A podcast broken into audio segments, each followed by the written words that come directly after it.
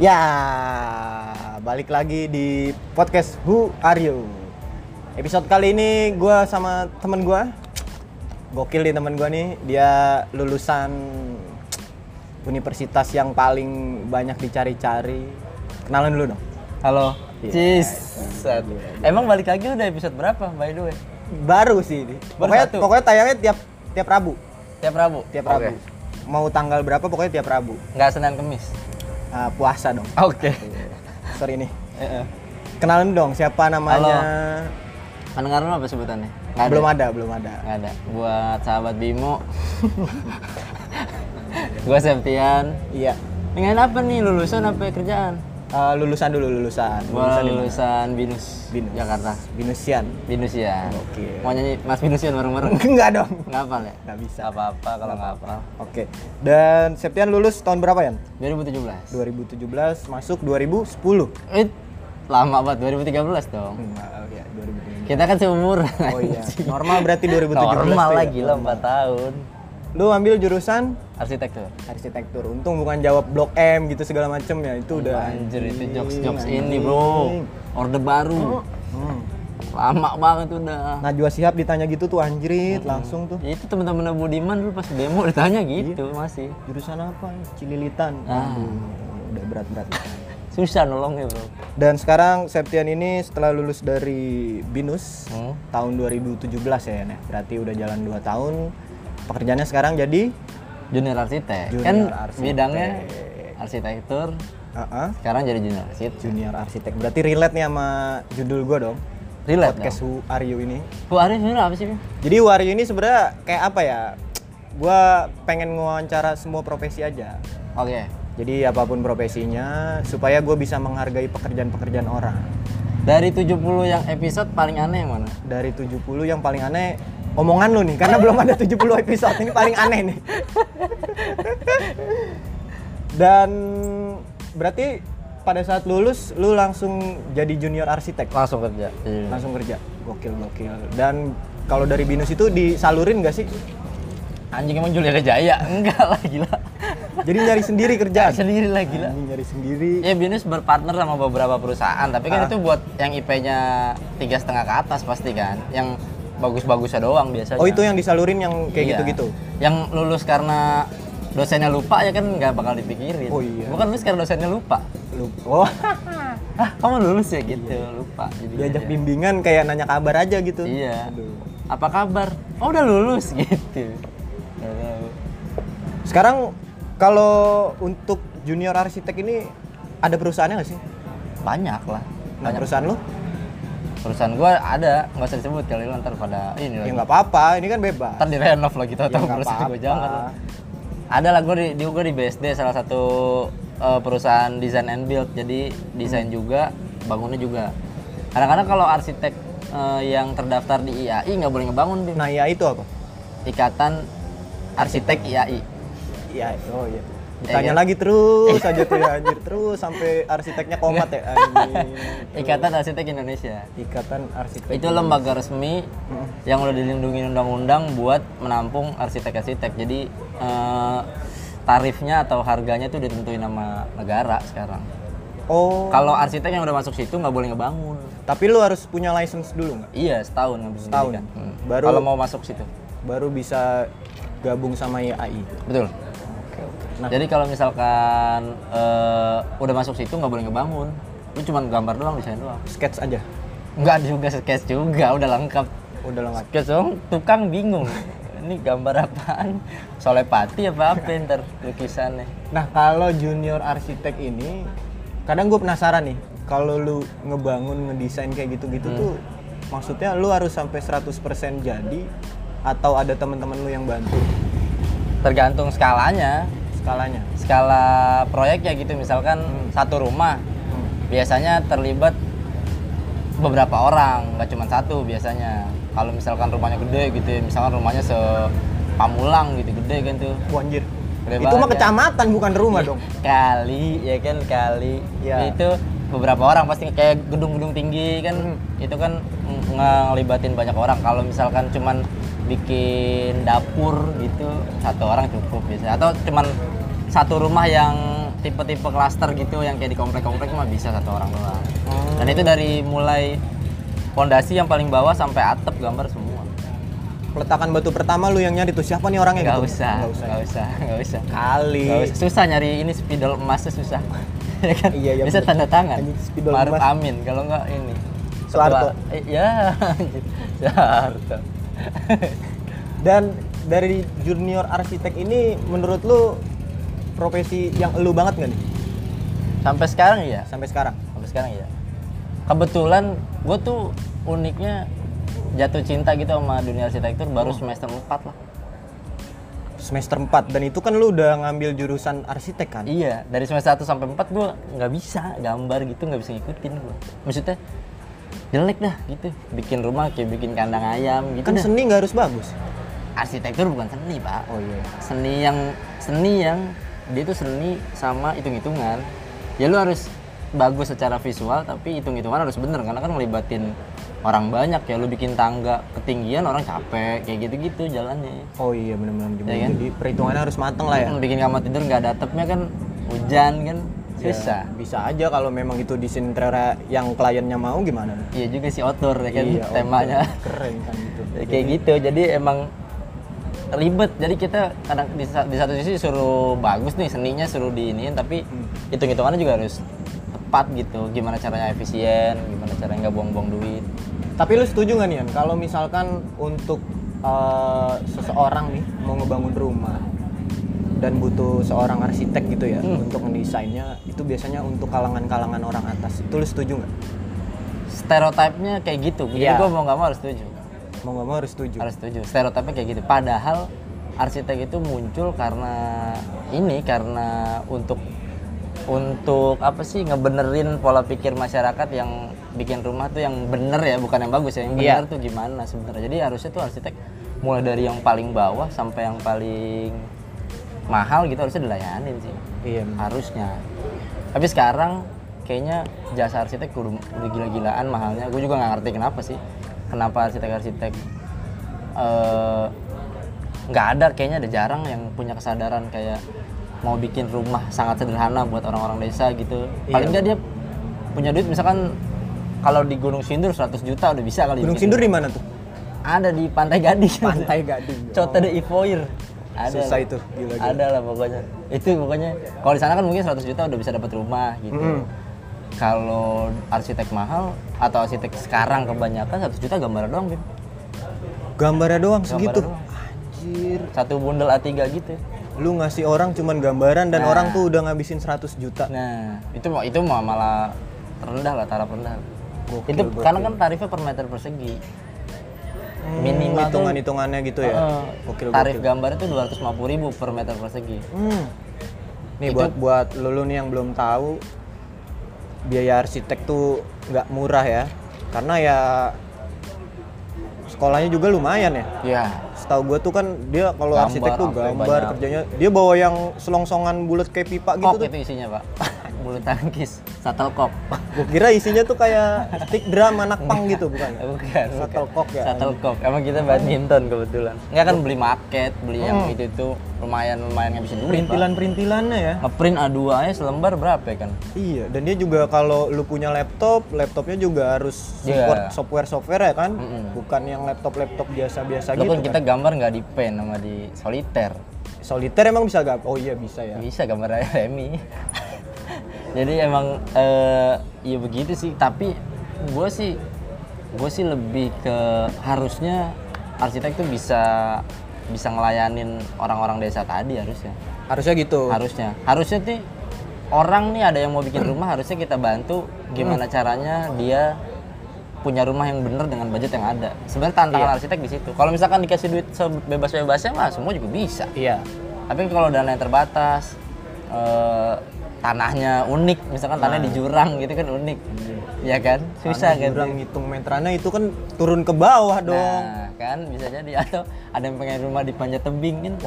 Yang kayak gitu-gitu Itu Bim. arsiteknya jadi tantangan batu buat Nah, seorang harus- arsitek ya. Harusnya itu jadi tantangan, tapi sekarang kebanyakan eh, pilih-pilih sih kalau gue lihat kayaknya.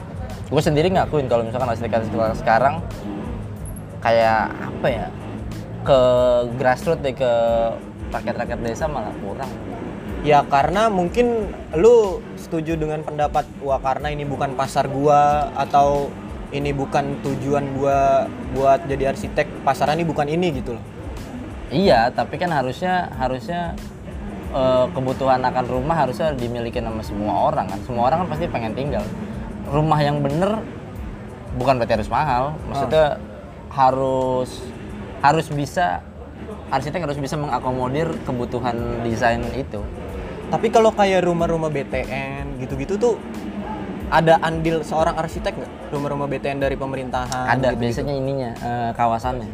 Kalau secara desain rumahnya mah template, bikin satu di copy Iya doang kan, karena dia kan template ya. Biasanya pengaturan jalannya gitu-gitunya. Hmm, diperhitungkan ya. Berarti bukan memperhitungkan luasnya berapa aja, tapi kayak safety-nya juga dihitung ya. Keamanannya, maksudnya nih kontur tanahnya daerahnya nih daerah Lumpur rawan gempa gitu kan ya. Itu berarti lu memperhitungkan juga. Iyalah, iyalah. Kayak misalkan di tanah-tanah yang lembek tuh, atau tanah-tanah yang berpasir kan, treatmentnya beda, treatment pondasinya. Bikin rumah di tanah lembek, besok ada, besokannya nggak ada. Jadi tenggelam gitu. Kira rumah David Copperfield kan emang Hilang bisa dong. hilang gitu ya. Nah, sejauh ini nih kalau dihitung-hitung udah berapa rumah yang lu desain? Hanya berapa ya? Lupa pak. Banyak. Banyak pak. Yang gue suka dikit. Yang lu suka dikit. Yang gue suka dikit. Bikinan gue sendiri pak. Tapi kan gue sekarang karena gue masih kerja sama orang, jadi gue harus Ah. ikutin eh, idealismenya bos gue kan. Oh iya benar. Bos gue idealismenya uang ya, jadi gimana? Balik harus- lagi ya nggak bisa nuangin apa yang lu mau karena Iya. tertutup kebutuhan dari bos. Iya. Dan ya bagusnya sih sekarang gue jadi ini sih jadi banyak semakin banyak yang gue desain makin aneh-aneh bentuknya kan makin gue belajar gitu. Ntar akhirnya balik lagi ke ya kalau misalkan nggak nyobain yang aneh-aneh gimana bikin yang sesuai yang kita mau kan? Betul betul. Tapi kadang maunya klien itu maunya klien nih misalkan banyak banget nih maunya klien segala Hmm. macam ini itu bikin lu jadi kayak yang anjing nih banyak mau banget dan ini klien dengan budget seadanya kayak gitu-gitu lu nanggepinnya gimana tuh? Biasanya diedukasi. Misalkan dikasih tahu aja misalkan mau bikin kayak gini harganya segini. Hmm. Kalau kayak gini konsekuensinya ini gitu-gitu sih. Kalau gue sih kebanyakan gue kasih tahu kalau misalkan baru nih tadi ada klien bos gue minta atapnya kayak topi kaisar Cina. Anjir. Atap rumahnya mau dibikin kayak Kayak yang kaisar. komentator Benteng Takeshi gitu. Iya. Katanya mau dibikin begitu bentuk atapnya gue Itu rumah. rumah aneh banget gue bilang gue gue nggak ngerti kayak mak- maksud gue nggak apa-apa pakai pakai konsep kayak gitu. Cuman lu paling nggak kasih kasih lihat nih topi kaisar Cina mana. Cina Selatan Cina Utara kan beda-beda. Cina takut- Banteng ya. Eh, takutnya kan beda-beda ya kan? Takutnya Harus spesifik bikin, lah. Takutnya gue bikin pakai Cina kelapa gading kan pakai snapback semua. Iya kan? iya kan? Atapnya manjang ke belakang dong. Aduh, susah takutnya ya. takutnya salah. Makanya ya kadang-kadang ya namanya klien mah kan orang awam semua jadi Iya. nggak tahu soal gitu edukasi sih gimana cara kita presentasiin desain kita yang kita bikin Tapi lu lebih seneng ngedesain rumah atau ngedesain kayak buat kantor-kantor, apartemen-apartemen gitu. Lu megang juga maksudnya interior interior ya? Enggak interior kan ada penjurusan lagi. Ada jurusan lagi. Oh ada jurusan lagi. ada desain interior ada. Oh berarti seorang arsitek itu nggak mencakup semua, maksudnya interior bisa apa segala macem. bisa cuman ada yang lebih spesifik jurusan itu. Hmm, gua kira tuh seorang arsitek jadi selain mendesain, iya interior juga dia yang ngatur segala macem. kalau arsitek tuh skopnya cuman merancang ini eh kalau tata kelola ruang doang. Misalkan tuh kamar enaknya di mana kenapa di belakang kenapa di depan gitu-gitu sih ntar mah yang bikin anak sipil yang ngisi interior anak interior gitu Lu tapi pernah dapat misalkan dia mau bangun rumah nih, hmm. lu saranin uh, letak tata kamarnya nih bagusnya di sini, dapurnya di sini. Tapi dia punya argumen ah nggak bagus, feng shui-nya bagusnya di sini. Nah itu pernah kayak gitu. pernah pak jadi ada biasanya gua kan kalau misal jadi arsitek itu sebelum kerja nih misalkan pertama kali kerja tuh Kedukun dulu enggak? enggak dong Enggak. kok ustadz kalau gua Sama, sama aja dong. nah spiritual Iya. jadi jadi Kalau enggak ke Albert Einstein. Iya, Albert iya. Einstein. Orang pinter. Ngapain iya benar juga sih. Hmm. Jadi biasanya gue ini dulu, gue gue tanya dulu kebutuhannya, kebutuhannya gimana, maunya kayak apa. Nah biasanya kalau misalkan emang ada request request khusus kayak misalkan kalau feng shui setahu gue ya, Ah. eh, di depan pintu masuk tuh jangan ada cermin kalau pokoknya kalau masuk setelah pintu utama tuh jangan ada dinding apa kalau nggak salah. Takutnya Oh, takutnya rezeki keluar lagi katanya. Terus iya, tangga itu nggak boleh berhadapan langsung dengan kamar mandi biasanya. Ah. itu katanya nggak enak feng shui-nya juga. Terus ada lagi tangga itu harus pas berhenti di dinding gitu. Oh jadi nggak nggak Nggak boleh bisa, lebih. nggak boleh lebih. Maksudnya Nggak ada boleh ruang lagi gitu nggak bisa. Eh, nggak boleh lebih biasanya. Nah, jadi eh ya kayak gitu-gitu sih. Ada yang sudutnya. Ada nih yang sudutnya nggak enak nih kayak menurut dia tanah dia udah nggak enak nih Iya. akhirnya yang tadinya lurus dibelokin dulu Bim, pintunya sama dia Iya Allah. ada Ada aja. yang kayak gitu-gitu nah yang Iya, kayak gitu-gitu biasanya gue catat di awal kalau emang dia mintanya kayak di awal kayak gitu ya ya kepercayaan dia kan Berarti itu tantangan juga dong buat ngadepin kayak feng shui, Iya. feng shui kepercayaan-kepercayaan gitu ya. Nah, berarti kalau untuk hal-hal kayak gitu kan jadi salah satu tantangan lu nih. hmm. Nah, kalau misalkan maunya dia dengan maunya lu ini beda, biasanya lu gimana tuh? biasanya gue kasih tahu deh tadi edukasi lagi pas presentasi gue kasih tahu kenapa gue bikin begitu akhirnya misalkan ada yang bikin dia yang paling ribet sebenarnya orang mau bikin rumah tapi udah bawa udah bawa gambarnya Nah, itu gimana udah buat coret-coretan biasanya Jadi dia udah kayak punya bayangan sendiri dulu nih. eh, eh sotoy-sotoyan Ah. dulu jadi biasanya gua gua akan bikin versi dia gua biasanya bikin dua bikin versi dia sama versi gua Berarti itu tipe-tipe orang nggak percaya dengan diri sendiri ya? Maksudnya masih minta masukan dari orang lain kan? Iya. Enggak sebenarnya emang kalau nggak paham mah jangan. Maksudnya kan udah ada yang ibaratnya lu nggak mungkin ke dokter bawa resep sendiri kan, ya kan? Jadi lu udah diagnosa, dok, saya tipes nih Eh, kayaknya. iya jangan begitu kan. Jangan, Gunanya dokter tuh apa jadinya ya? makanya. Lu kan udah bayar nih, mesti lu datang ke arsitek bawa gambar pun lu udah bayar gitu. Lu bayar juga, bukan berarti lu bawa gambar lu nggak bayar desainnya tetap tetap bayar gitu. Jadi mendingan nggak usah, mendingan lu kasih ke yang udah lebih emang kerjanya di situ gitu emang kerjanya itu. Jadi Udah ada porsinya masing-masing lah jadi istilah gitu ya. Lu punya duit, gue punya keahlian, dikomben gitu kan ya. Nah, kadang-kadang yang suka rewel itu yang udah bawa gambar itu. Saya tetap maunya begini. Ya, gue tetap bikinin. Ntar dilihat bagus-bagusan mana aja tinggal. Atau presentasi pas dipresentasiin baru kelihatan. Biasanya orang kan nyoret-nyoret gambar pakai kertas tuh bim. Nggak tahu nih pas jadinya kayak apa kan. Ah. Nah di situ biasanya arsitek baru punya keahlian. Kita kan bisa bikin 3D-nya, bisa bikin. Lebih ngelurusin lah ya. Ah, kita kan bisa apa apa tuh eh, ngasih gambaran lah ruang-ruangnya gimana. Kalau udah ada 3D-nya kan kelihatan tuh. Ah. Oh iya pintunya di sini, ntar lu kalau jalan ke sini gitu-gitu sih lebih baru tergambar. Oke oke. Tapi lu pernah nggak, misalkan dapat klien nih, seorang arsitek juga. Jadi kayak lu berpikiran tukang cukur kalau mau nyukur rambut ke mana gitu? Pernah, Pernah. pernah. Dia biasanya Ah, bukan arsitek, biasanya kuliah arsitek kuliah arsitek. atau lulusan arsitek juga biasanya, tapi nggak jadi arsitek memang. Hmm. biasanya kayak gitu gue pernah beberapa kali dapat klien eh, di kantor yang sekarang dia udah ini dia udah rapi banget gambarnya udah Ah. emang emang anak arsitek kayaknya mah Terus pas di ngobrol-ngobrol emang anak arsitek ternyata jadi ya udah kita gue cuman ini doang nyukurin doang Iya, ibaratnya jadi kayak yang saya mau bikin rumah nih, Hmm. kayak gini desainnya segala macam. Dia arsitek juga gitu kan? Eh, jadi kita paling cuman bagus. bantu ini cuman bantu kalau misalkan ada yang dia miss gitu Medikit, eh bagus malah kalau kayak gitu kan Ternyata dia bukan pengen bikin rumah, pamer aja. Iya, gitu. Gue lebih keren dari lu aja gitu. dibayar sama kan Iya.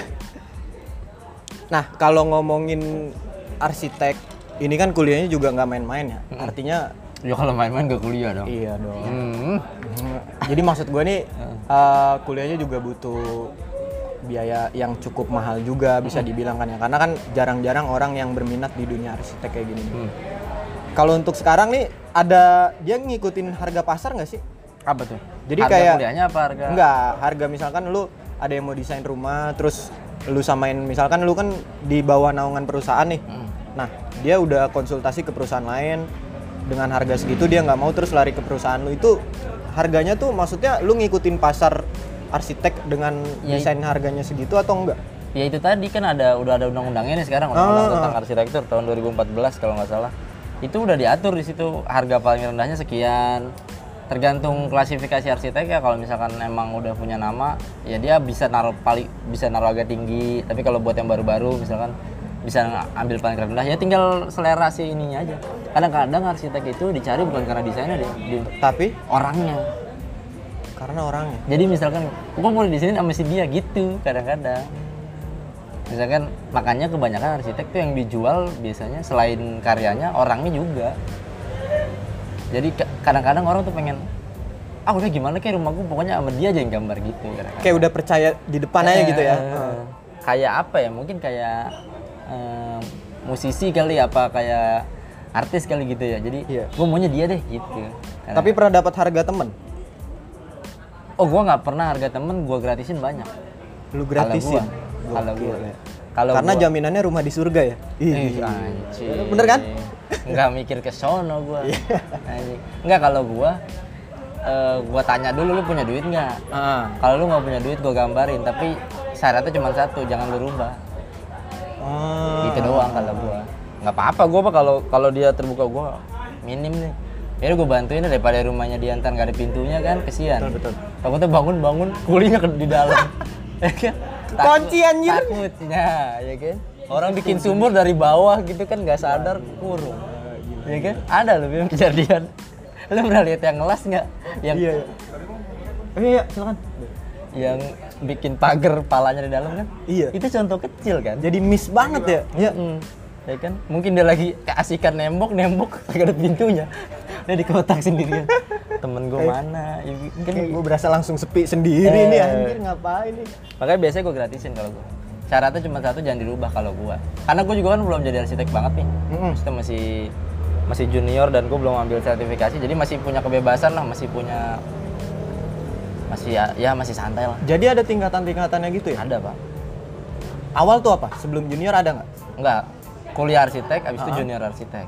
Habis itu senior? Enggak. Enggak, senior senior arsitek kebagi tiga lagi tuh. Ada yang tingkatan kota, jadi ABC. Kalau yang paling rendah itu C, lu minimal 2 tahun kerja di konsultan atau di dunia arsitek eh, bangunan gitu ya. Dua tahun itu baru bisa ngedesain maksimal 4 lantai kalau gua nggak salah ya.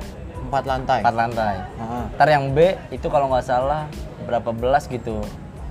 8 sampai 12 kalau nggak salah. Ntar yang A tuh bangunan tinggi, baru kayak gitu-gitu. Monas gitu. Iya bisa. Monas kan gampang kan. Iya lurus aja ya. Mm-mm. Tarik gambar gitu. Nah, gue penasaran nih. Kalau seorang arsitek ngegambar, desain, gambar udah jadi nih. Hmm. Itu ada hak cipta nggak? Maksudnya gambar lu ada celah nggak bakal di copy paste sama orang? Ada, Ada. ada, ada celah. Dan itu ada ciptanya nggak? Lu ngegambar nih. Dan kalau orang ngambil gambar lu, ya udah ambil aja gitu. Nggak bisa lu rebut dengan kayak yang ini gambar gua. Biasanya kan kalau kita eh, itu kan diga, kalau di, dicolong berarti itu dia udah keluar kan. Maksudnya udah gambarnya udah dipublis kan, berarti Ah. dipublish gitu. Kalau misalkan biasanya kita sebelum itu deal nggak dipublish emang. Kalau udah deal banget baru diupload di IG di mana gitu. Dikasih ke klien. Klien tuh nggak bakal megang gambar sampai dia masukin DP biasanya. Jadi kalau ada revisi gitu atau misalkan meeting pertama, Ah. kita bawa gambar, kita bawa balik lagi itu gambar. supaya nggak gampang dipublish gitu ya. Heeh. Ya kalau dia mau nginget sih silakan gitu. Tadi 3 meter apa gitu. Boleh. Nggak boleh. bagus gambar yang ada. Boleh, boleh. Susah dong. Tapi selama ini sih yang nyontek banyak, tapi eh ya tak balik-balik lagi ya karena a- arsitek tuh personal banget. Pasti beda aja sih. Kayak lu bawa inilah kayak tadi gue bilang musisi kayak cover lah. Mm-mm. Tetap tetap tetap beda. tetap lah. beda ya walaupun sebagus dan semirip apa pun Ah. jatuhnya tetap cover ya Mungkin jadi lebih bagus mungkin atau jadi lebih jelek atau gimana. nah selain dari seorang klien yang bilang desain lu bagus kepuasan apa lagi yang menurut lu jadi tolak ukur bahwa wah gue puas banget nih udah ngedesain ini nih Awet. Awet? Bangunannya. oh awet Kadang- kadang-kadang bikin eh, rumah belum berapa lama udah ada yang dibongkar-bongkar apa ada yang udah udah ada yang dibenerin tandanya kan tuh bangunan gak awet tuh hmm. jadi gua sih happy kalau misalkan emang awet sih terus gua ngelihat berapa tahun itu masih ada gitu masih masih masih senang nggak dijual rumahnya apa gimana. Terus yang pertama sih jadi sesuai desain itu paling penting. Itu yang bikin lu puas ya? Mm. Ah. terus kliennya happy. Ya terus sama awet udah itu doang. Tapi kalau kayak bahan-bahan material-material lagi tuh ngaruh nggak sih ke perbedaan desain yang lu bikin? Sedikit banyak ngaruh tapi balik lagi gimana cara itu kan material hubungannya berarti sama duit Iya. duit yang dipunya si klien kan Iya. lu punya doku berapa nih lu kalau misalkan mau main di 200 juta berarti bahannya pakai ini baru tuh ntar berangkatnya dari situ oh budgetnya cuma 200 nih berarti kita jangan bikin yang aneh-aneh maksudnya jangan bikin yang kayak rumah. lah ya. Heeh, gitu. ya sedap sebagusnya 200 juta gitu aja Hmm, makanya sebenarnya arsitek itu harusnya ngejawab permasalahan bukan bikin masalah baru bukan Iya. orang datang terus udah 500 juta gitu ya pusing orang kan. Benar-benar. Jadi ngasih solusi lebih ke solusi harusnya ya harusnya. ya. orang orang punya duit berapapun harusnya bisa jadi Rumah. sesuatu. Oh, iya. di sesuatu. Orang ada kok di Bandung arsitek using dia cuma bikin rumah 5 juta apa berapa gitu. Kecil banget kecil banget. Tapi kan rumah. Bisa disebut rumah ya? Iya. Definisi rumah kan paling ada pada ruang istirahat dapur sama kamar mandi kan. Udah. Kalau tiga itu terpenuhin harusnya udah jadi rumah betul betul. Jadi udah bisa dibilang ya udah rumah gitu kan ya? Mm.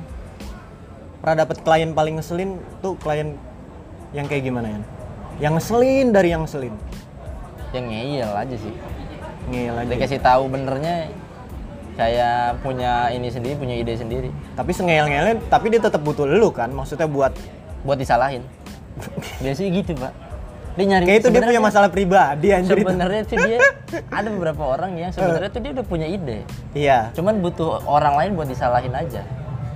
Ada ya kayak gitu ya? ada. Misalkan dia minta awalnya begini nih udah jalan nih di lapangan berapa lama set? Minta rubah. Tadi ikutin rubah.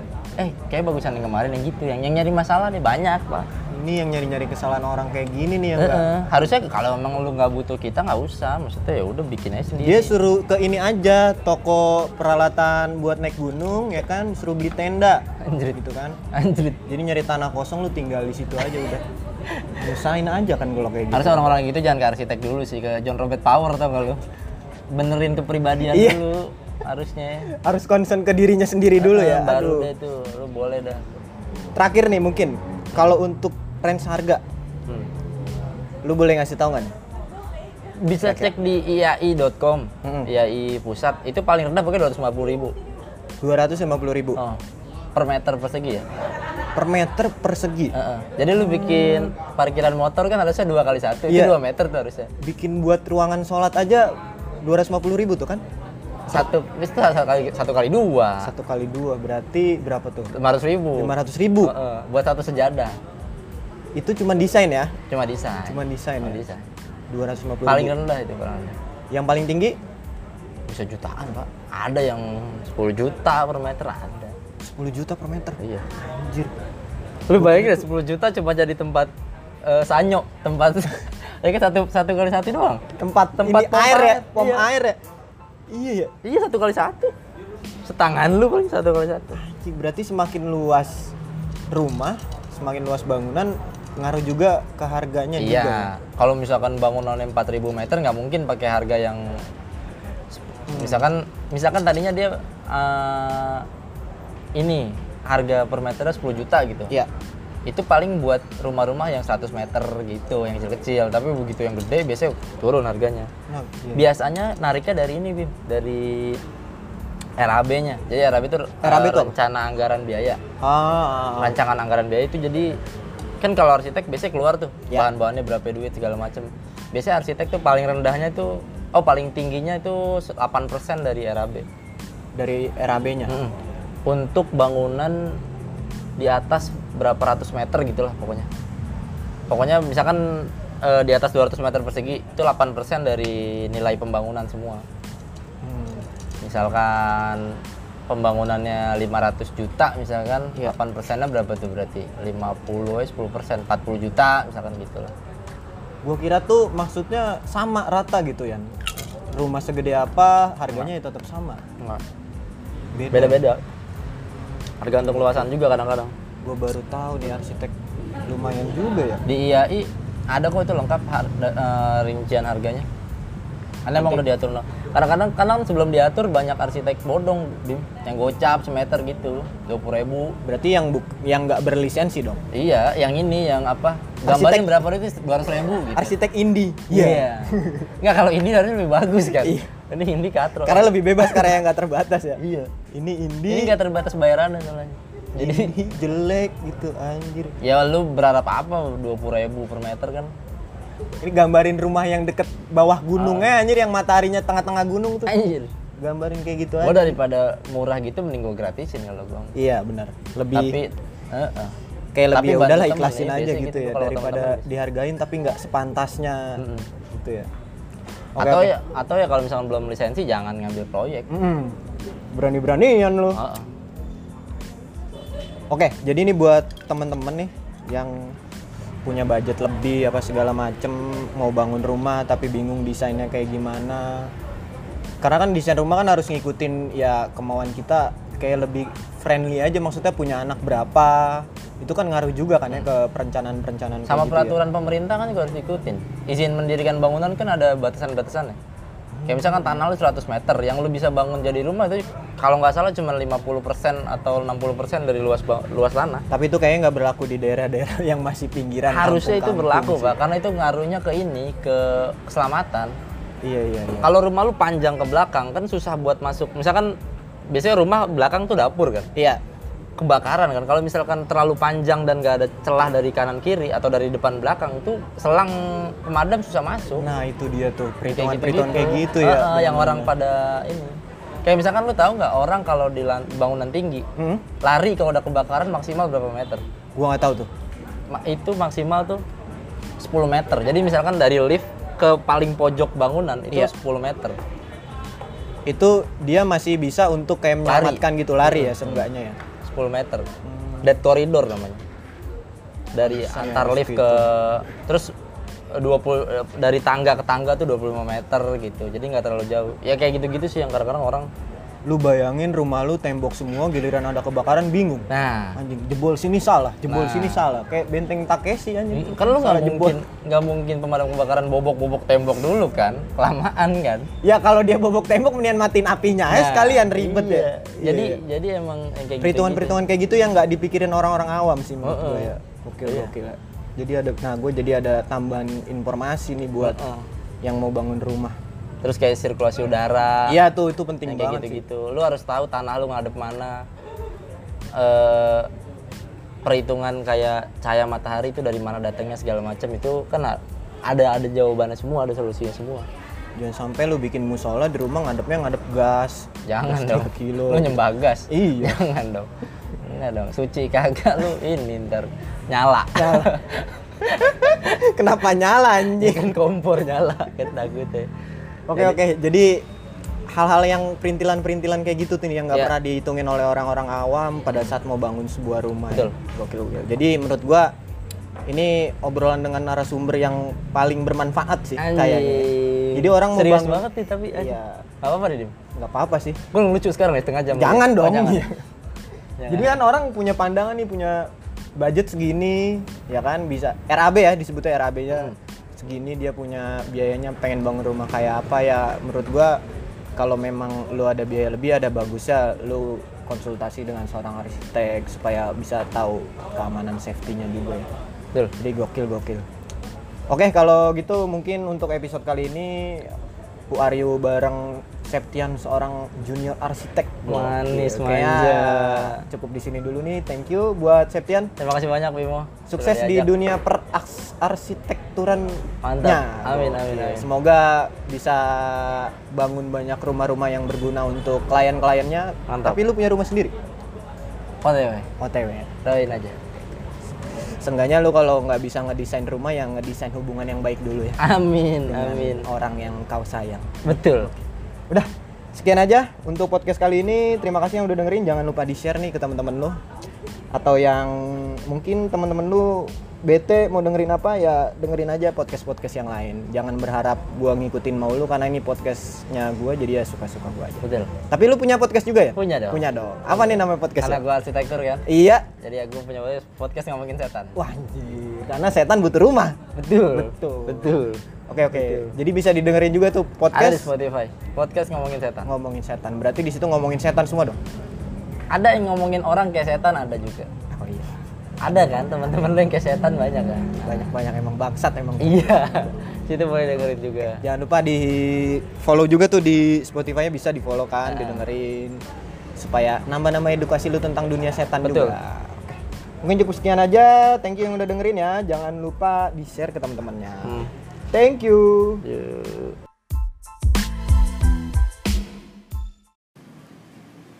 Bismillahirrahmanirrahim. Assalamualaikum warahmatullahi wabarakatuh. Oke, ini akhirnya tayang nih untuk podcast Who Are You. Jadi untuk tayangnya ini nanti setiap Rabu dan gua nggak tahu nih episode ini bakal tayangnya Rabu kapan. Terserah gua aja ya. Jadi buat kalian yang ngedengerin ini jangan berharap gue ngikutin mau kalian karena ini podcastnya gue jadi suka-suka gue aja. Oke kali ini di podcast Who You Are gua kedatangan tamu nih dari temen gua. Bohong bukan tak.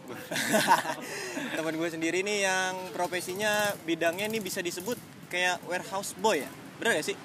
Uh, warehousing sih bukan. Warehousing bukan ya? boy. Gue kesannya kalau boy lebih ke office boy. Iya oh iya maksud gua kan tapi iya iya bener oke oke. Warehousing ya. Jadi yang yang belum tahu nih ini gua pengetahuan gua aja warehousing ini lebih ke eh, yang profesinya ini biasanya di gudang ya? Iya. Ya di bagian warehouse. Dan warehouse ini biasanya dia backgroundnya nih kerjanya di e-commerce e-commerce ya. E-commerce e-commerce yang sekarang nih bisa dibilang lagi hype banget nih e-commerce nih. Kayak contohnya e-commerce Shopee, Tokopedia, Bukalapak. Nah kali ini gue temen gue ini dia dari warehousing eh, sebut aja apa ul namanya ul? Langsung aja nggak apa-apa. Berry Benka. Berry Benka. Di mana Berry Benka ini platform untuk e-commerce ya.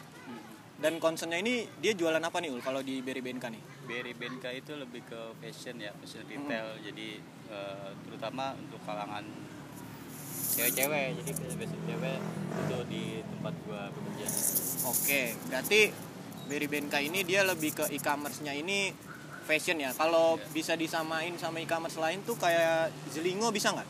hmm. Zelingo bisa ya? bisa bisa, Bisa itu, Zelingo. itu satu sama lah konsep lah Oke. Dan yang banyak gue lihat sih Berry Benka ini juga ada beberapa store ya, terutama di Jabodetabek. Contohnya kayak di PIM juga ada store-nya ya kalau nggak salah ya. banyak eh, lebih sekitar 29 store eh, Berry Benka ada di seluruh Indonesia sih Oh, Bukan di jadi nggak Jabodetabek aja tuh, seluruh Betul. Indonesia ya. Aha. Tapi apakah barang yang dijual di store ini sama dengan di web? Oh udah pasti. Udah pasti. Udah pasti ya. Ini nggak ada banyak kan kan sekarang kalau kita beli online tuh apa yang dia lihat kadang suka nggak sama sama apa yang dia terima ketika dia Oh iya beda dari- jadinya gitu ya. Kalau di Beribenka ap- apa yang dia lihat nah itu apa yang dia dapat gitu. ya. Benar-benar. What you see is what you receive gitu kali ya. Sorry kalau bahasa Inggris santai santai nggak apa-apa di sini netizen Aduh, ini ada apaan ini anjir santai santai jadi kalau di Berry Benka sendiri memang lebih concernnya ke produk-produk kayak gitu ya ya lebih ke- tapi nggak nutup kemungkinan buat kayak fashion cowok-cowok juga dijual kan ya Hmm, untuk sekarang sih lebih ke cewek ya. Dulu Oh. sih sempet jualan untuk fashion fashion cowok. Oh. Tapi mungkin ngelihat dari targetnya dan kita tahu sendiri cewek-cewek kan doyan suka belanja gitu. Oh iya, pasti. Lebih sekarang lebih overall sekarang pakaian-pakaian cewek semua. iya betul dan bangsatnya ketika cewek-cewek belanja cowok-cowok yang jadi korban ya ya kalau gitu. Harus ya itulah pengorbanan seorang. iya aduh Coba buat eh, cewek yang disayangi. Iya. Dan mungkin nih belum kenalan juga ya. Jadi teman gue ini namanya Irul. Biasa dipanggilnya siapa nih? Ul? Ya, nama lengkap gua Herul Anwar. Herul Alwan. Nah, kalau di tempat kerja atau di luar gue Ah. biasa dipanggil Irul. Dan kalau kalau di rumah ada yang manggil Beul atau Becung lah apalah Iya. bisa manggil gue. Siap, siap. Biasanya kan orang-orang dipanggil nengok, lu enggak ya? Dipanggil Irul atau Beul ya? Ya kan gue nggak ngeneng sih ngedangak. Oh, gua. nggak dangak. Yang manggil dari atas lu gali sumur dong. Jadi santai aja ya obrolannya nih. Kalau di podcast gue nih nggak mesti harus oh tentang ini ya harus itu mulu enggak ya. Jadi santai aja semaunya aja. Oh jadi gitu oke. Nah kalau gue boleh tahu nih ul, lu jadi warehousing ini udah berapa lama? Gua kurang lebih empat tahunan ya di warehouse. Empat tahun? Iya, 2015 awal. Hmm, lumayan lama juga ya. Awal. Tapi pada saat lu terjun ke dunia warehousing ini awalnya itu lu memang udah pengen tertarik dunia warehousing atau memang kecebur nih? Ya sebenarnya sih bukan lebih minat ingin warehousing atau mungkin kecebur ya Ah. jadi gua ngeliat peluang di depan peluang ada peluang apa ya ya gue coba nyeburin diri gitu Karena- Iya, benar-benar. karena sebelum di warehouse yang sekarang pun gue sih udah ada pengalaman di warehouse juga tapi bukan e-commerce kayak sekarang gitu Oh, Jadi, oh, oh. ada di bidang lain lah gitu Iya, dan iya, iya. sekarang gue udah jalan 4 tahun di warehouse ini Oh. yang mana ini tuh pengalaman gue yang paling lama dari pengalaman gue kerja gitu 4 Oke. tahun Hmm. Oke, oke, oke. Siap. Ya berarti menceburkan diri ya, karena lu ngelihat yang lain udah pada kecebur, jangan sampai lu kering sendiri artinya nggak ada kerjaan gitu ya. Iya, harus iya, gue harus tetap ikut basah iya, walaupun nggak kerja ya. oke oke. Nah, kadang kan gini, Ul ya, di dunia e-commerce terutama ya, ini kan lagi hype banget nih ya. Orang bisa belanja, orang pi- eh, bisa punya barang-barang tanpa dia harus datang langsung ke store-nya. Hmm. Artinya kemajuan teknologi terutama di bidang untuk e-commerce ini nih udah maju banget lah gitu ya. Iya. Jadi orang bisa cuman pilih-pilih katalog, bisa searching-searching cuman melalui aplikasi atau dari website aja nih ya. Hmm, betul Nah, artinya kan untuk hal kayak gini kita nggak eh, nggak langsung percaya terhadap produk itu atau terhadap eh, perusahaan itu. Hmm. Artinya kita belanja nih kan berdasarkan cuman katalog dari foto atau dari video bahkan dari orang lain nih. Wah, Iya. barang di sini bagus segala macam. Nah, untuk hal kayak gitu lu nanggepinnya gimana tuh? Bikin untuk percaya bahwa memang untuk belanja e-commerce ini ya nggak semuanya kayak gitu gitu loh. Iya, eh, sekarang kan yang namanya belanja online tuh udah jadi gaya hidup ya, Ah, udah gaya hidup eh, kebanyakan masyarakat Indonesia. iya. Jadi untuk belanja online itu emang eh, dari segi kualitas dan akurasi barangnya pun orang harus tetap dijaga. Ah, dan itu penting banget buat buat menjaga eh, customer kita gitu. Supaya eh, experience si pembeli customer ini bisa terus tetap terjaga dan kita juga hmm, jangan sampai customer kecewa gitu jadi apa yang kita eh, tampilkan di website aplikasi dan segala macam itu harus benar-benar sesuai dengan apa yang nanti bakal kita kirim iya. jangan betul, sampai betul. uh, dia ngelihatnya begini di website dia kok pas dia terima beda gitu ada Iya. atau ada perbedaan sedikit gitu jadi kita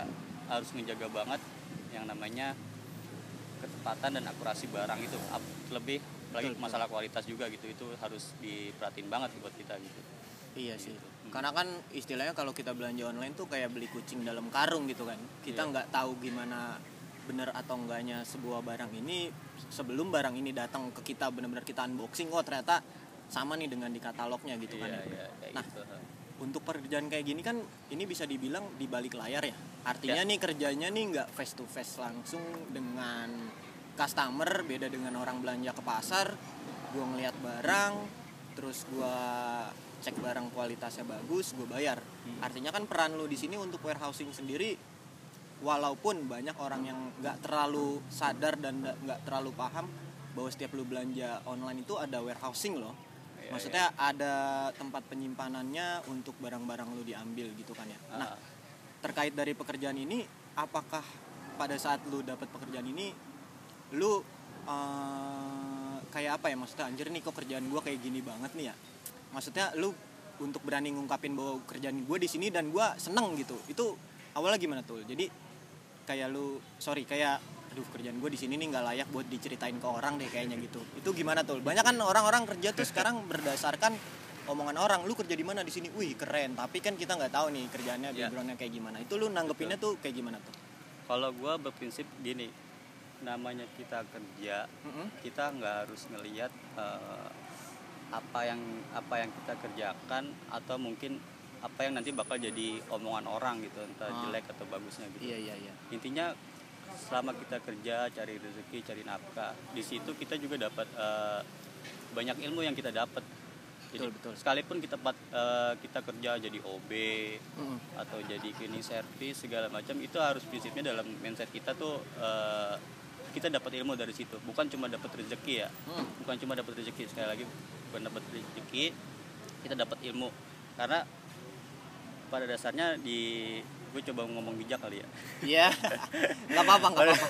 pada dasarnya kita segala sesuatu di sini nggak ada yang sia-sia gitu sekalipun itu eh, mungkin bisa eh, ngerugiin kita atau nyakitin kita toh nanti pasti bakal jadi berguna buat kita ke depannya gitu jadi gua nggak nggak nggak mikir wah kerjaan gue di warehouse eh, jelek atau gimana pandangan orang segala segala macam Hmm. gue mikirnya gue kerja gue cari rezeki di situ gue dapat ilmu juga Hmm. dapat pengalaman yang nantinya pasti bakal berguna buat ke depan buat buat gua bisa buat temen gua atau mungkin buat nanti keturunan gua juga gitu jadi Hmm. menurut gua apa pun yang gua kerjain gua nggak harus ngelihat hmm, kerjaan gua tuh apa bagaimana nggak nggak kayak gitu kayak gitu Oke oke. Jadi intinya apa yang lu lakukan pekerjaan itu nggak melulu soal duit dan Iya. sekedar untuk biar nggak malu gitu ya. iyalah iya, sih benar. Gue setuju karena ada pernah uh, orang bilang ada ya pernah bilang gini selama kita masih bekerja dan berhubungan sama orang lain dan berguna untuk orang lain tuh jangan takut kehilangan rezeki. betul Karena menurut gua rezeki itu belum melulu soal uang gitu ya. betul Jadinya iya apa yang kita kerjain terus kita mikir aduh gua kerja kok nggak dapet duit ya kalau mikir kayak gitu Hmm. susah juga ya jadi kita harus benar-benar nyari kerjaan juga yang benar-benar nggak bikin malu dan harus bikin bangga nggak juga Iya. sih menurut gua Iya, karena ini ya banyak orang mungkin ada beberapa orang yang mikir eh gue kerja di tempat apa, kok nanti pasti gue jadi omongan orang nih. nah Kok- itu dia tuh Lu misalnya gini, background lu apa misalnya contoh misalnya lu kerja di se- sebelumnya lu kuliah di jurusan hukum, tapi Iya. kok bisa ketika lu kerja kok lu beda beda jurusan atau misalnya nggak nyambung sama Melenceng banget gitu Iya, lah ya. Heeh. sama dari background lu sebelumnya gitu Hmm. intinya sih menurut gua yang namanya lu dapat peluang apa ya coba lu lu lu ikutin lu, Iya. lu nyeburin diri gitu lu pasti dari situ lu bisa dapat ilmu lu nggak cuma dapat satu ilmu dari background lu aja jadi Iya. dari background lain pun lu bisa dapat belajar belajar belajar dan Betul. ke depannya pasti lu eh, gue yakin lu pasti ba- banyak banyak ilmu dan lu banyak bakal dicari orang gitu Iya, lu nggak cuma bisa satu eh, apa namanya satu bidang doang bidang lain pun lu jadi bisa gitu Iya. Jadi intinya nih buat lo semua yang lagi ngedengerin podcast Who Are You ini terutama yang lagi atau sedang mencari pekerjaan, terus dapat panggilan kerjaan, lu nggak mau karena nggak sesuai dengan background lu, menurut gua dipikir-pikir lagi ya.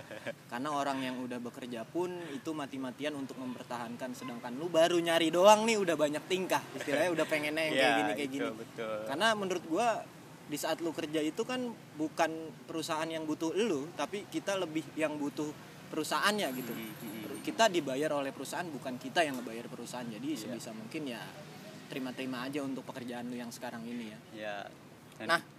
Hmm. Balik lagi nih Ul, terkait eh, dari warehousing ini ya. Nah, kalau boleh gua tahu nih, kita kan pada saat kalau belanja di sebuah e-commerce gini ya. Kita kan pilih barang apa segala macam. Peran warehousing ini ada di mana sih Ul pada saat kita pilih barang terus melakukan payment pembayaran terus eh, check out dulu ya Iya. check out dulu terus melakukan payment nah peran warehousing ini dia ada di mana nih dari runtutan eh, dari mulai order ini nih warehousing ini perannya ada di mana perannya ya vital banget sih karena kan yang namanya warehouse itu eh, tempat naruh barang lah gitu lah kasarnya Iya. kayak gitu jadi eh, untuk eh, urutan dari belanja online kayak gini ki- untuk warehousing kita hmm, apa mastiin banget barang-barang yang di order sama customer itu harus benar-benar sesuai. Eh, Iya. Kita juga ada beberapa kali QC ya. QC Iya, nah QC QC. itu quality control ya Ya betul. Dari Ah. barang itu datang sampai barang itu keluar untuk dikirim ke customer itu kita harus QC dari segi kualitas sama ketepatan barang tersebut yang diorder customer. Iya, Jadi iya, iya. eh, sebisa mungkin bukan sebisa mungkin ya eh, Hmm. harus dipastikan barang yang diorder customer itu harus sesuai apa yang kita kirim kayak Iya, gitu. iya, iya. Jadi jangan sampai salah kirim. Misal dia order tas tapi itu tapi itu yang dia terima baju jangan sampai kayak gitu. Makanya Iya. warehouse ini kan pentingnya eh, itu apa? Pentingnya ja- jangan sampai salah kirim gitu. Iya, lah. salah. Takutnya kita beli kucing dapatnya embe. Iya. ini kan yang lu bilang tadi kita order baju terus yang datang tas ya mungkin tas itu bisa jadi baju lu harus positive thinking juga dong iya iya karena kan banyak mungkin ada- aja kan apa ya ya iya mungkin ada tas bisa Iya. jadi Jadinya packagingnya tuh maksudnya tuh bentuknya ya tas gitu. Multiple Terus sih. ya, iya, kadang kan kita harus mikir kayak gitu. Nah, bisa berubah jadi baju atau atau yang gitu. lainnya kayak gitu makanya di warehouse tuh ya harus benar-benar hati ba- hati-hati banget gitu Betul, untuk betul. pengiriman ke customernya Ah. hmm, kayak gitulah kira-kira ya. Nah, terkait kalau untuk warehousing ini jadi kan perannya ini penting banget ya. Artinya mereka harus eh, menjaga komunikasi yang baik dengan pengelola web juga. Artinya pengelola web di sini kan ketersediaan barang di gudang berpengaruh dengan ketersediaan barangnya di web juga kan. ya Jadi nggak mungkin kan Hmm. di web eh, masih ready stock, tahu-tahu Hmm. di gudang udah out of stock gitu, Ya, udah ya, nggak ya. ada. Tapi pernah ada kejadian kayak gitu. kalau di tempat gue cukup cukup banyak Cukup banyak iya, ya? iya. Ah. jadi kan harusnya gini si calon customer gitu bisa calon customer pasti kan ngeliat barang-barang oh gue pengen ini ah gue order ah gitu Ah. kan gue order pas udah eh, apa namanya check out dan bayar segala macem nggak taunya eh, mungkin dari warehouse dapat notif sendiri nih oh Iya. ini ada orderan barang ini nih gitu kan Hmm. taunya pas dicek di lokasi atau di gudang gitu misalnya oh, ini barang udah habis gitu Hmm. jadi mungkin itu masalah itu sih masalah bug system sih Bug lebih system ke ya. Ah. sistem gitu jadi sistem. memang ada mungkin nggak akurat antara eh, di website dengan sistem sistem stok di warehouse gitu jadi Hmm. ketika ada si customer mau order barang A Hmm. ternyata dicek di sistem warehouse hmm, itu stoknya sudah habis gitu ini Iya, iya. eh, terkait masalah sistem sinkron- sinkronisasi sistem antara sistem website itu website online shop itu sendiri dengan sistem di gudang gitu memang suka ada kayak gitu ya iya. yang namanya sistem kan pasti ada pasti ada bugs-bugsnya lah bolong- bolong-bolong kayak betul gitu betul namanya Jadi- bikinan manusia ya, ya kan? itu Ah. baik lagi bikin manusia nggak ada yang sempurna Mm-mm. jadi eh, untuk case-case kayak gitu pasti ada aja gitu di sistem eh di sistem di di website ada stok ini stok barang ini tapi pas dicek di gudangnya di warehouse-nya ternyata sudah out of stock. Jadi ya eh, lu saranin belanja di e-commerce lain? Enggak. Enggak gua enggak enggak lah. Kalau untuk di sistem gua sih gua ada ada namanya voucher apologize ya. Jadi Oh, untuk iya, menjaga iya. jadi untuk menjaga customer itu nggak Hmm. kecewa banget gitu lah.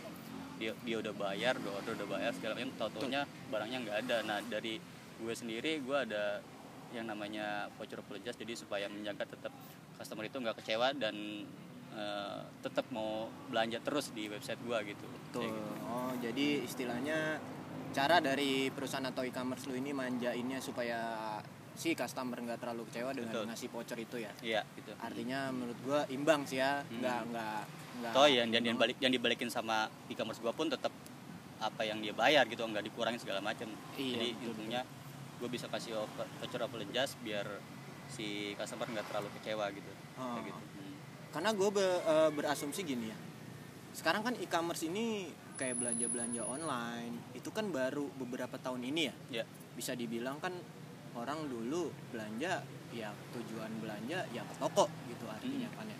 Ke toko dan artinya kalau di toko kita bisa melihat barang lagi-lagi nggak nggak beli kucing dalam karung gitu ya.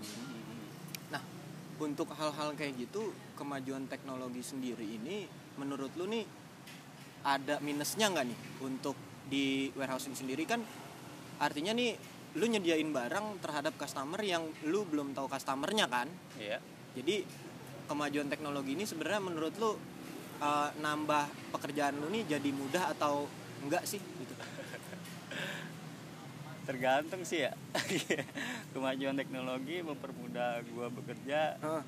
ya mungkin ada Eh, tapi kan hmm, apa ya gimana sih tadi lu nanya sama poinnya apa sih. Jadi poinnya lu setuju kalau misalkan perkembangan teknologi ini eh, nambah lu tuh kerja jadi lebih mudah gitu. Eh, bu- bukan lebih mudah ya lebih ini kali ya lebih lebih hmm, lebih ke Apa nih? Atau lu mau lu bakar rokok dulu atau ngopi dulu nggak apa-apa? gue nyeruput dulu deh kalau Iya, gitu. iya boleh boleh. boleh. bentar ya Santai bentar. santai.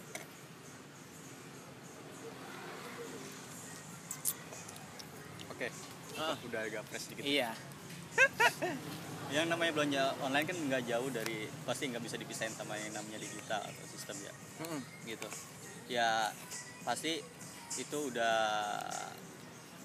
udah membutuhkan satu sama lain gitu untuk sistem dan era digital Mm-mm. kalau untuk bicara memudahkan atau tidaknya ya pasti memudahkan dibanding dengan kita punya sistem manual gitu ya Iya. manual kalau manual kan kita harus catat tangan misalnya stok barang ini 10 terus ada pengeluaran misalnya 8 kita, Ah. kita harus eh, catat manual di sini bedanya kan eh, itu udah tercounting sendiri untuk masalah stok dan eh, sistem intinya kita sih tinggal nerima terima terima, rapi lah kita nggak harus input manual segala macem masalah sistem itu yang ngerjain untuk masalah stok stok barang segala macem jadi dibilang memudahkan atau tidak ya itu udah pasti karena karena ya kita pun eh, untuk e-commerce ini sendiri hmm, nggak bisa dilepasin dari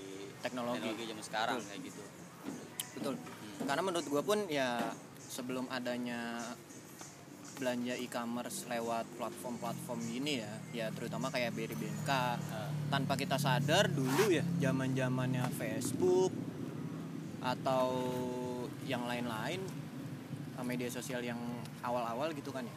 Istilahnya kita belanja ketemuan sama orang walaupun medianya tuh cuman dari SMS atau telepon ketemuan cash on delivery itu kan bisa disebut juga e-commerce ya. Karena kan ada peran teknologi di situ untuk ngejembatanin antara customer dan eh, si sellernya gitu Ya. kan. Artinya kan kayak gitu. Hmm. kalau untuk sekarang ini pada saat lu awal sekolah awal sekolah bakal nyangka nggak nih? Wah kerjaan gua kok jadi di sini gitu. Lu sebelumnya tuh bakal nyangka nggak sih bahwa atau lu pengen bercita-cita untuk kerja di sini gitu?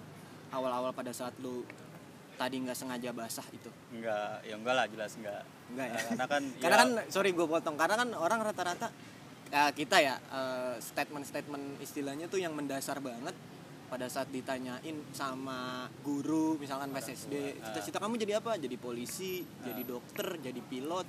Itu kan mainstream banget ya kan? Nggak mungkin lu pada saat ditanya cita-cita lu jadi apa? Eh, warehousing? Wah anjir. Itu kan mendetail banget dan kayak yang gimana gitu kan nah berarti ini nggak ke- eh, dulu nih lu nggak kebayang bakal terjun ke sini ya? Ya enggak enggak ya itu yang dari awal tadi gue bilang. Gue tuh mm, enggak melihat background atau mungkin cita-cita gue sebelumnya pengennya jadi apa gitu ya. Iya. Gue ngelihat peluang di depan ada peluang apa yang gue ikutin gitu. Kalau di- kalau ditanya misalnya dulu lo kebayang gak tuh kerjaan lo sekarang kayak gini gitu? Peng- apa lo pengennya dulu kayak gimana gitu? Nggak nggak kebayang gitu. Baik lagi yang gue bilang tadi gue selalu gue orangnya eh, selalu ingin menggeluti peluang yang ada di depan. Padahal background gue jauh dari e-commerce ini atau mungkin warehousing yang sekarang gue kerjain gitu ya. Gue dulu gue dulu gue sekolah di STM ya lo tau kan ya? STM kan. Mungkin nggak nggak jauh-jauh yang namanya mesin ya mesin ya, Uh-uh. otomotif atau mungkin mesin industri segala macem. Anak STM tuh ide- identiknya ke situ. Tapi gua itu gua bilangnya itu gua orangnya ngelihat depan ada peluang apa itu gue terusin gue ikutin gitu. Gua awalnya nih STM itu selama gue sekolah STM gue nggak bisa komputer nih. Waduh. Cerita dikit Ah. gue nggak bisa komputer. Jangan kan bisa komputer Excel atau Microsoft yang lainnya. Sekedar matiin atau hidupin komputer pun gue dulu masih linglung main paintball aja kalah mulu ya? Tahu kan yang iya. soliter juga Iya, kalah mulu tuh gitu ya? lah. tapi gue di situ gue setelah itu justru gue setelah gue lulus STM gue justru punya tekad gitu. Wah gue eh, pengen bisa komputer nih. Mm-mm. dan mungkin dulu ada terlintas di gue pada saat gue masih sekolah gue pengen dulu pengennya kerja kantoran gitu. Iya. pengen kerja kantoran jauh. Mendasar banget ya Iya pengen kerja kantoran yang mana eh, Sabtu Minggu dan tanggal merah gue bisa libur gitu kan Iya. gitu. tapi setelah yang tadi gue bilang gue setelah lulus gue pengen bisa komputer eh, tapi gue nggak ada fasilitas untuk belajar atau mungkin kursus komputer nggak ada nah Hmm. ada di waktu di mana gue ada peluang dulu ikut sama orang di semacam IO gitu Iya. gue kerjaan gue nginput-nginput data lah gitu nginput data tapi padahal gue nggak bisa komputer aduh gimana nih caranya nih gue nih? Dan lu dituntut harus bisa harus gitu ya? bisa gitu Ah. kan. Ya gue coba maksain diri dan di situ emang gue ada kemampuan bisa komputer ya udah gue coba belajar sendiri. Dan mungkin kalau ada yang nggak tahu gue tanya sama bos gue.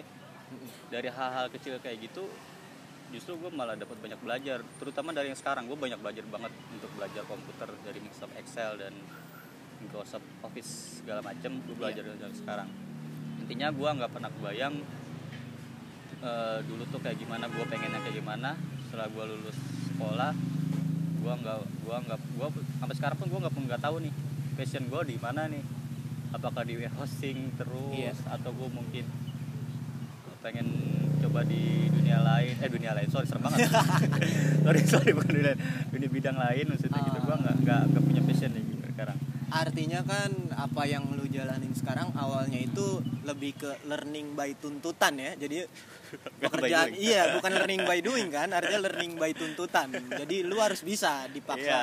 untuk bisa Emang supaya kadang- terbiasa. kadang harus kayak gitu Iya, kita benar. emang kita harus dipaksa dan dituntut supaya kita bisa gitu Iya. Jadi Baik. Hmm. gitu ya. baik lagi ke orangnya Eh, kalau kita coba ikhlas nih ikhlas apa yang udah kita dapat apa yang udah kita gelutin terus kita eh, coba bersyukur intinya gampang lah semuanya.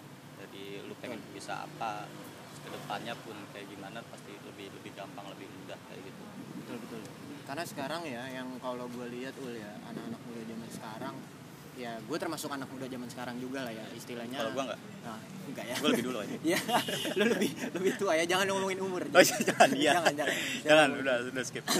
Jadi tuh maksudnya anak zaman sekarang yang gue lihat ah, terutama teman-teman gue ya Hmm. dia tuh lebih nyari pekerjaan berdasarkan apa yang dia mau bukan apa yang dia ah, harus jalanin gitu. Hmm. artinya kan kalau nyari pekerjaan dengan dengan background apa yang dia mau kan itu sulit ya. Artinya Iya. kan nggak bisa lu dapat kerjaan dengan sesuai dengan kemauan lu itu mungkin ada beberapa orang yang dapat hal itu iya iya, yang beruntung lah gitu. Lah artinya kan nggak semuanya Hmm. orang bisa kayak gitu Mm, mm, mm, untuk betul. menanggapi hal seperti itu. Jadi ya menurut gua untuk anak-anak muda zaman sekarang sih nyari pekerjaan itu menurut gua gampang. Yang sulit adalah pada saat lu menerima pekerjaan itu dengan ikhlas. Ya nggak sih? Iya iya iya. Ya bener kan? Iya iya iya. sekarang lu punya priwitan lu ngeliat ada kayak Alfamart, Indomaret, mobil banyak, lu parkirin udah dapet duit, bisa dibilang kerja ya kan? Jadi sebenarnya nyari kerja tuh gampang ya. Gua jadi tukang parkir juga ya.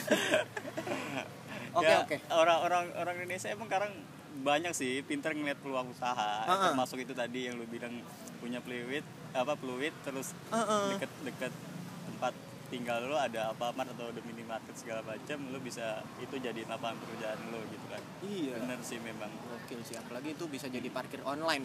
Lu cuman dari gimana lu naruh motor gitu Enggak iya, jadi gua naruh motor, dilihat CCTV, ntar tiba-tiba tuh ada tiket pas keluar Iya pas keluar gitu kayak ya parkiran-parkiran zaman sekarang kan goib.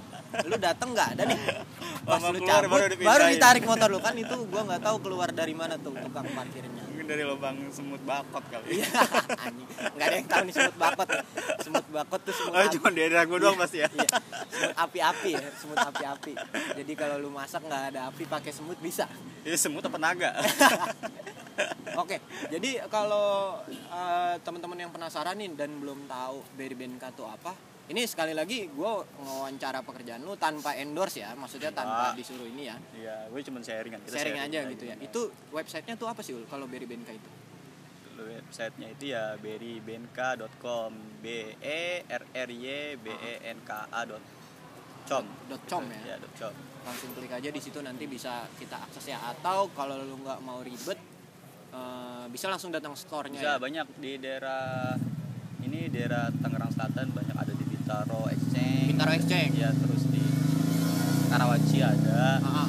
terus di nah inilah ya Jabodetabek udah apa daerah-daerah metropolitan juga banyak sih udah buka offline store dari BNK gitu jadi lu bisa kalau misalnya lu nggak mau eh, belanja online lu bisa datang langsung ke store-nya Oke oke. Berarti bisa kita tarik kesimpulan bahwa uh, dari obrolan kita ini peran warehousing dalam sebuah uh, belanja online ini sangat penting banget ya. Iya, Artinya kita uh, sekali lagi jangan pernah ngeremehin apa pun itu pekerjaannya selama Ya. masih bermanfaat dan berguna tuh harus kita hargai. karena lo gini ya kalau menurut gue sih gini lo lebih baik capek kerja daripada capek cari kerja Betul. gitu kan betul sekali. Iya makanya saran gue sih apa yang lu dapat sekarang coba syukurin, lu pelajarin. Oke. Nah, di situ lu bisa dapat segalanya, bukan cuma buat sekarang tadi kita depannya pun lu pasti dapat eh, manfaatnya kayak Ah, kayak gitu. Jangan cuma jangan pernah bukan jangan pernah ngeluh. ya. Kalau ngeluh wajar sih manusiawi.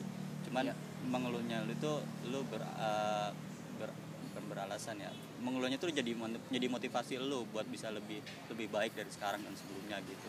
Oke. Jadi buat lu, lu nih yang lagi pada nyari kerja, jangan pusing lah lu pekerjaan dapat kerjaan tapi nggak sesuai dengan kemauan lu. Hmm. Ada yang mau nerima lu aja udah bersyukur ya. Betul, betul. Dan mungkin di episode kali ini tentang podcast Are You mungkin segini aja kali ya. Jadi mengetahui gimana bidang warehousing karena gue juga wawancaranya ini nggak pakai skrip artinya nggak ada pertanyaan-pertanyaan yang direncanakan jadi banyak improv ya jadi artinya Iya, iya. kita bisa nangkep nih peran warehousing dalam belanja online sekarang ini yang sedang hype-hype-nya nih anak muda terutama fashion-fashion perempuan yang belanja eh, suka belanja-belanja online nih terus dapat pacar orang warehousing nih jangan malu untuk dikenalkan Apalagi lu kalau bisa punya cowok, punya pacar Mm-mm. kerja di e-commerce atau di warehouse, untungnya lu bisa dapet diskon. wah Oh, iya kan, tuh. kayak gue nih misal nih, gue kerja diskon. di e-commerce ya kan. Untuk khusus untuk karyawan lu, eh, lu bisa dapet diskon 25% dari harga normal. Ih. Tanpa minimum pembelanjaan berapapun itu pasti tetap diskonnya 25% gitu. Ah. Ya, makanya kalau misalnya lu doyan belanja online ya terus pengen dapat harga murah, ya ya cari Coba pacar kayak gitu lah. jangan Iya. jangan nanti di saat lu resign dari pekerjaan itu lu ditinggalin itu sakit dong. Jangan. Kalau kalau kecuali ya mungkin lu udah udah putus tapi pengen tetap belanja online itu ya belum tentu dikasih sama, Belum tentu sama dikasih sama lah. pacar lo gitu belum tentu dikasih voucher apa namanya voucher karyawan itu belum tentu Iya. dikasih makanya tetap kalau bisa sih kalau lu punya pacar yang kerja di e-commerce ya jadi putusin dulu lah gitu jadi biar lu dapat terus nikmatin ini ya voucher voucher-vouchernya ya. karyawannya. iya Ah, kayak Jadi gitu. pa- pas lu nanya ke pacar lu, kamu kenapa sih bisa sayang sama aku? Habisnya kamu ngasih aku voucher mulu ya. Jangan kayak gitu ya. Aduh, voucher voucher aja deh kan Bucin bucin voucher itu jatuhnya, budak cinta voucher.